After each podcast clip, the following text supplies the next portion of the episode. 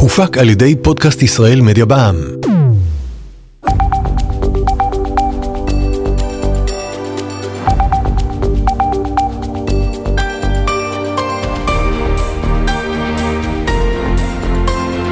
הפודקאסט של ציפי לבני. שלום, כאן ציפי לבני, ברוכים הבאים לפודקאסט שלי. והפעם, במקום שאדבר על הדברים שמעניינים אותי, החלטתי לא לעשות לעצמי חיים קלים, ולקחת את כל השאלות הקשות שאתם שאלתם אותי במהלך המפגשים ובחוגי בית וברעיונות, ולרכז את הכל כאן, אה, מתוך תקווה שהתשובות שלי יהיו גם תשובות לאלה מכם שרציתם נורא לשאול את השאלות האלה, ולא הייתה לכם הזדמנות. אנו מזהים מגמה של אובדן הממלכתיות מחד, ואובדן האמון של אזרחי ישראל במוסדות המדינה מאידך. האם תם עידן הממלכתיות? יש כאלה שחושבים שהוא תם. אנחנו לא יכולים להרשות להם לסיים את עידן הממלכתיות במדינת ישראל. יש תהליך אחד שהוא תהליך שאני חולקת עליו עמוקות והם מובילים אותו בממשלה. הסיפור הזה שבו אומרים נבחרנו לשלוט ודמוקרטיה זה שלטון הרוב ושלטון הרוב זה אנחנו מחויבים לציבור שלנו שבחר בנו לא, זה לא עובד ככה, אלא בתפיסה שרואה את הציבור במדינת ישראל כולו. והיום יש מאבק שאנחנו מקיימים אותו בכנסת כמעט יום-יום, שעה-שעה, שבו הכל סקטוריאלי. כל אחד מייצג את הקבוצה שבחרה אותו, ובפועל דווקא מיעוט שנמצא בממשלה לוקח אותנו לקצוות. ולכן אנחנו חייבים להחזיר את הממלכתיות, ואני רוצה לומר עוד משהו קצת שנוגע בפוליטיקה, כי הממלכתיות הייתה סמלו הגדול של בן גוריון. ואני באה ממקום של בגין, אמרתי את זה כבר קודם, וז'בוטינסקי, שאמר כל יחיד מלך. אנחנו מחויבים לאזרחי מדינת ישראל כולם. וכשהיה צריך להתייחס לרוב בכנסת, אמר בגין, גם ביער של ידיים לא צומחים עצי האמת. אבל בישיבת ממשלה כולם מתיישבים וכל אחד עסוק רק בסקטור הצר שאותו הוא מייצג. ולכן, כמו שאמרתי קודם, יש לי ציפיות מהפוליטיקאים שיתנהלו לפי מערכת ערכים שהיא נכונה, אבל אם זה לא מתקיים, חברים, צאו לרחובות. אתם יכולים לקבוע מה יהיה פה. את חושבת שדונלד טראמפ יצליח ללחוץ עלינו להגיע להסכם עם הפלסטינאים? אני קודם כל מציעה לנו תמיד כל הזמן לזכור מה אנחנו רוצים, כי הביטחון של מדינת ישראל מושתת על מערכת היחסים עם ארצות הברית, בין היתר הביטחונית. אבל האינטרס הישראלי הוא לחלק, אם תרצו להתגרש, אני מעדיפה לעשות את זה בהסכם. את המשא ומתן בתקופת הנשיא בוש עשינו, למרות שלא היינו חייבים. אבל הבנו שזה האינטרס שלנו, והזמן עובד לרעתנו. עכשיו, הגיע טראמפ, היה לו מסיבת עיתונאים עם ביבי, ואמר, אם אתם זוכרים, אני, מה אכפת לי? הוא אמר, מדינה אחת, שתי מדינות, מה בא לכם? אבל הוא אמר, אני רוצה דיל. ודיל זה מילה טובה בהקשר הזה, כי דיל אומר שאתה צריך שני צדדים, אין הסכם בלי שני צדדים. וגם צריך להבין שברגע שיש הסכם בינינו לבין הפלסטינים, זה הסכם עם כל העולם הערבי. כי לפי היוזמה של הליגה הערבית, אם אנחנו עושים הסכם עם הפלסטינים, הם עושים שלום איתנו. ולכן אנחנו אלה שצריכים לשכנע כל נשיא אמריקאי שזה האינטרס שלנו. בעניין ההחלטות החד צדדיות, החד צדדיות היא דרך להתקדם הלאה בהיעדר פרטנר. זה לא אידיאולוגיה. אני מעדיפה להגיע להסכם, אבל אם באותו, אני לא יכולה עכשיו להגיע להסכם, אז אמרתי קודם, אני גם משאירה את הדלת פתוחה וגם מנסה להתקדם. ניקח שתי החלטות שצריך לקבל עכשיו. כדי לשמור את הדרך פתוחה, אני קודם כל לא מוסיפה התנחלויות מבודדות, לא מעבירה את כל חוקי הסיפוח, לא בונה, בטח לא מעבר לגדר. הדבר השני, משלימה את גדר הביטחון, מודיעה לפלסטינים, חברים, אם יהיה הסכם, הגבול ייקבע בהסכם, אבל כל עוד אין הסכם, זה מבחינתי הגבול שלי. אני מקיימת בו את מה שאני אה, אה, רואה לנכון, מגישה אופציה גם למתיישבים הישראלים, למתנחלים מעבר לגדר, להתחיל ולחזור למדינת ישראל. לא כולם יחזרו וזה לא יקרה מיד, אבל אני מסמנת לי את הדרך, ואת זה אני עושה עכשיו. ואנחנו מצידנו מודיעים, אנחנו בעד שתי מדינות לשני עמים על בסיס העקרונות האלה. הגבול כמובן ייקבע אחר כך במשא ומתן, אבל אלה העקרונות. הבעיה היא שהממשלה הזאת לא תאמץ את מה שאני עכשיו מציעה, כי היא בכלל כאמור לוקחת אותנו לכיוון אחר, אבל זה מה שהייתי עושה כאן ועכשיו. זה הכיוון, לשם אני רוצה להגיע, זה מה שאני עושה בינתיים. אני פונה אלייך אפילו בצורה אישית, פשוט תצילי אותנו מידם. אני לא רוצה לחכות לשאלות אחרות, אני רוצה לענות לדבר הזה. אה, עכשיו... הפלסטינאים צריכים להיות בראש הפירמידה. אתה יודע, סליחה, לא הפלסטינים מעניינים אותי, אנחנו מעניינים אותנו. אני לא מעניין אותי אם תהיה להם מדינה, מעניין אותי שלא תהיה לנו מדינה יהודית ודמוקרטית ולשם אנחנו הולכים. וזה שאתה קונה את השטויות האלה, שאומרים שמי רוצה, שרוצה שתי מדינות לשני עמים קם בבוקר וחושב על הערבים, זאת בעיה שלך. והגיע הזמן שתחשוב שמי שרוצה שלום, חושב עלינו. אני לא קמה בבוקר ואבו מאזן לא מעניין אותי, מעניינים אותי שני הילדים שלי. מה אני משאירה להם כאן? ואם אני לא אגמור עם אבו מאזן, אני אגמור גם בלי מדינה יהודית ודמוקרטית. אולי את טועה. יכול להיות שאני טועה, אבל אל תאשים אותי בזה שמה שאכפת לי זה מהם ולא מאנחנו. זה לא אמרתי. אתה כן אמרת את זה. ואני יכולה לטעות, אני בן אדם. ואין יום שאני לא הולכת לישון בשאלה אם טעיתי או לא. ותאמין לי את זה, שאלתי את עצמי, ואני שואלת את עצמי את זה, בוודאי שהיום הייתי בקבינט ובחדרי קבלת ההחלטות. אני לא חושבת שניתנה לי הנבואה, ולא כל התורה אני יודעת. אני יודעת במה אני מאמינה. אני יכולה לטעות. אבל מה שאני מאמינה נועד לטובתה של מדינת ישראל. ואני לא הולכת... וזה שהצליחו במדינה הזאת לטעת בלב ציבור הגון וטוב שרוצה בטובתה של מדינת ישראל כמוך. את המחשבה שמי שרוצה הסכם ומשתף פעולה עם האויב זה חלק מתעמולה והסתה מכוערת של נתניהו ואנשיו שקוראים לנו בוגדים, ואני לא מתכוונת להתקרנף, אני מתכוונת לעמוד על דעתי ולטעון בדיוק את הטענות האלה, גם אם ימשיכו להגיד מכאן עוד להודעה חדשה שאני בוגדת. כי מי שהורס את הציונות זה בדיוק אלה שמדברים על עצמם בתור פטריוטים. את חושבת שגוש גדול יכול לנצח בבחירות? ולמה ויתרת לרוטציה עם הרצוג יום לפני בחירות 2015? כן, אני מאמינה בזה שיש כאן שתי דרכים, ולכן צריכים להיות שני גושים. אני הצעתי בשנת 2013 לשלי יחימוביץ' וליאיר לפיד לעשות את זה אפילו בלי מפלגה אחת. השאלה אם זה מפלגה אחת או לא זה כבר טכני. אמרתי, בואו נודיע לציבור שאנחנו מקבלים החלטות ביחד. מי שיקבל את הכי הרבה קולות, הוא יהיה המועמד שלנו לראשות ממשלה. אחרי הבחירות אנחנו מקבלים, או שאנחנו בקואליציה ביחד או באופוזיציה ביחד, אבל אנחנו בכל מקרה הולכים על שלושה עקרונות יסוד. אמרתי, אחד, זה היה עיקרון שהיה חשוב לי, באמת העיקרון של שתי מדינות לשני עמים. שתיים, היה הנושא של דת ומדינה שיאיר רצה, ושלוש, שלי אה, רצתה משהו בענייני חברה. אמרתי, בואו בוא נעשה את זה. נגיד שזה המצע של כולנו, כולנו תומכים בזה, לא תוקפים אחד את השני. הם זרקו אותי מכל המדרגות פחות או יותר, כל אחד רצה להתמודד לבד. ויאיר לפיד אחרי הבחירות עשה בכלל ברית אחים עם בנט. והמליץ על ביבי לראשות ממשלה אצל הנשיא. אז הגוש עכשיו, גוש האמיתי שיכול לכלול את כולם, אני לא רואה אותו קורה לצערי. אני מבחינתי מאוד הייתי רוצה לראות גם את מנהיגי המפלגות האחרים בתוך הגוש וגם במחנה הציוני, קודם כל, באמת בהבנה שאנחנו הולכים על העקרונות המשותפים האלה. אתה, האדם השני ששואל אותי היום על העניין של הרוטציה, והוויתור עליה בדקה ה-90, וניגשה עליי עוד אישה ואמרה, איך עשית את זה?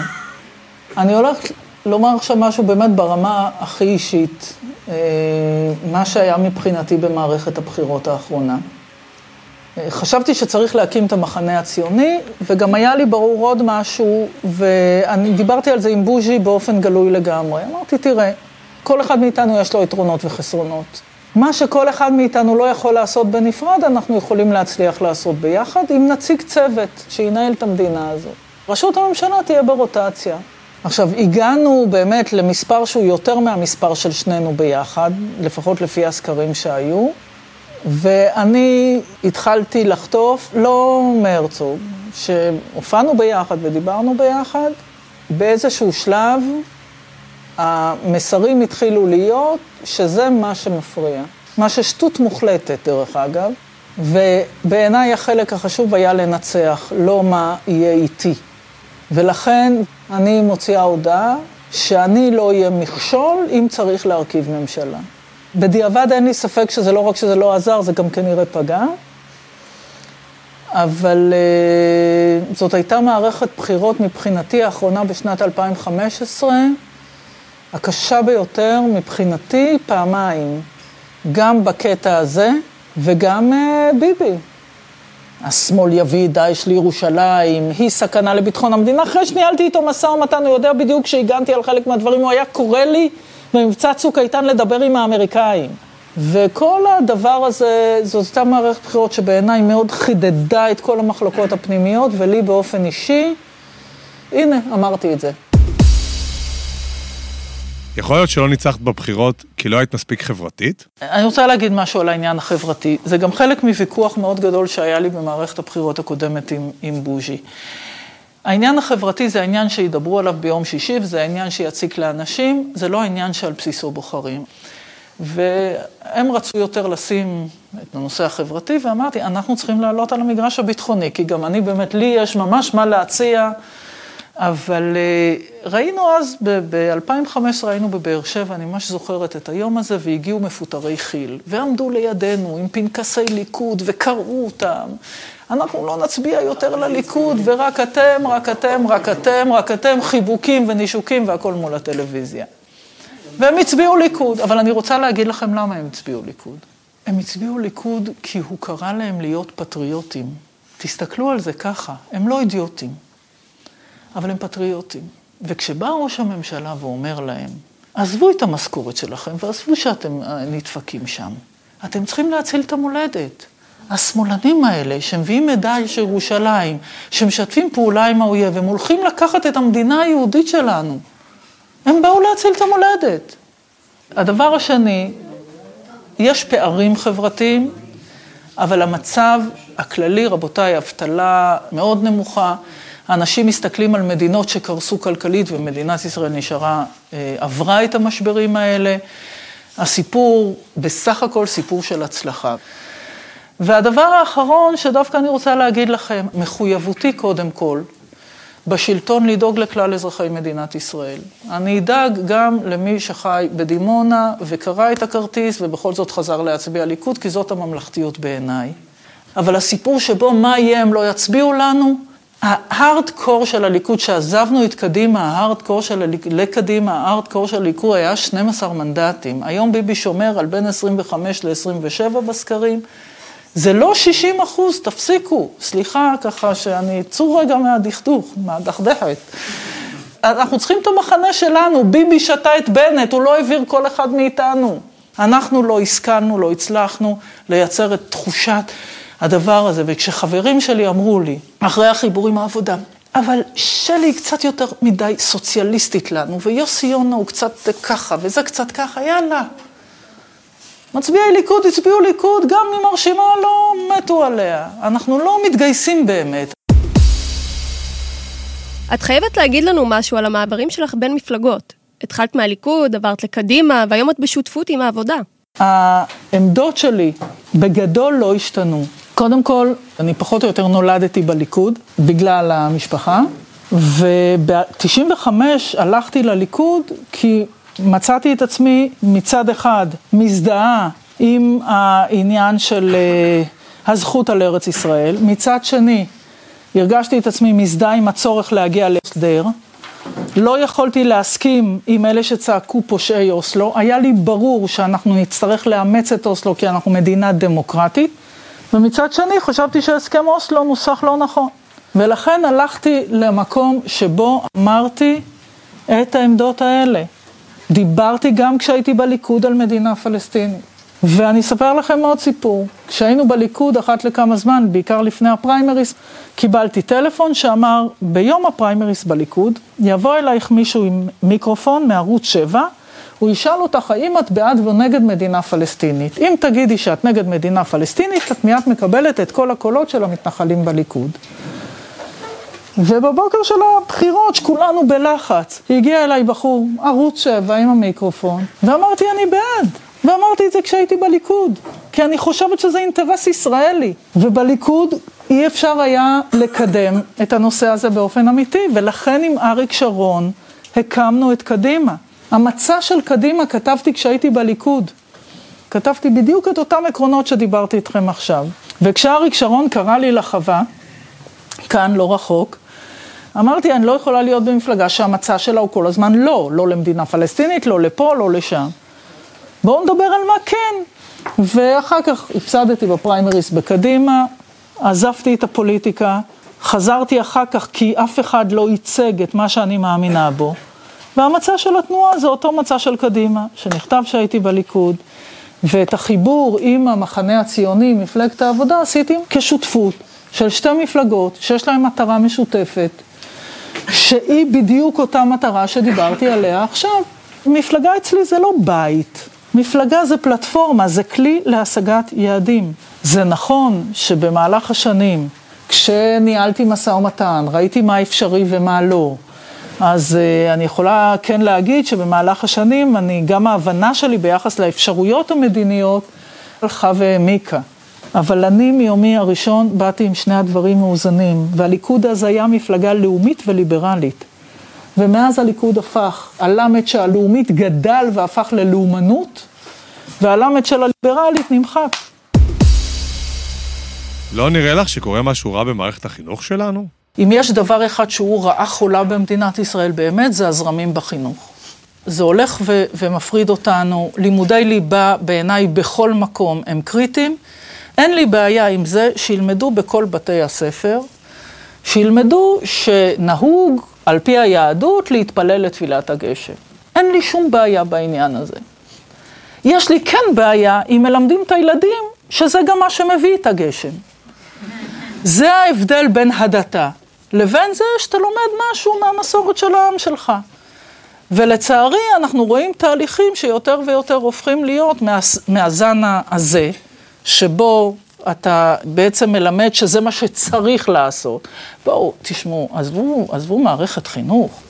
אני ראיתי, אני לא יודעת אם ראיתם, היה מצב האומה לפני עשרה ימים, והראו שחוץ מאורי אריאל, גם שרת המשפטים וגם גלנט קראו לציבור להתפלל לגשם. אתם ראיתם את זה? לא, אני הלכתי לבדוק באינטרנט שהוא לא המציא את זה. בחיי, אמרתי, אני לא, לא, לא יכול להיות. רואים שרים במדינת ישראל, ושרים חילונים, או לפחות לא דתיים, קוראים לציבור, יש לנו בצורת וצריך לטפל בזה, וכולם נדרשים להתייצב בכותל ולהתפלל. למי יש יותר כוח, להנהגה או לציבור? להנהגה יש uh, כוח, או הכוח של ההנהגה בא מהציבור. הנהגה שאין לה לגיטימיות ציבורית, היא לא, לא, לא יכולה לשלוט. Uh, ולכן הציבור, יש לו מנופים מאוד מאוד גדולים על המנהיגים.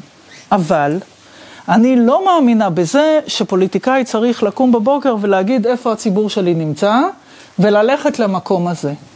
במובן הזה שבכל זאת תפקידה של הנהגה זה להנהיג ולקבל החלטות, גם שהן לא פופולריות. אז בגדול אנחנו מקבלים מכם איזה מין ייפוי כוח כזה, לייצג אתכם על פי שיקול דעתנו. בעצם הבחירות הבאות יהיו הבחירות שתצביעו לראשונה, נכון? אני מאמינה שאחרי כל הדברים והסקרים והעניינים, בן אדם, כשהוא הולך להצביע, הוא נותן אמון במישהו.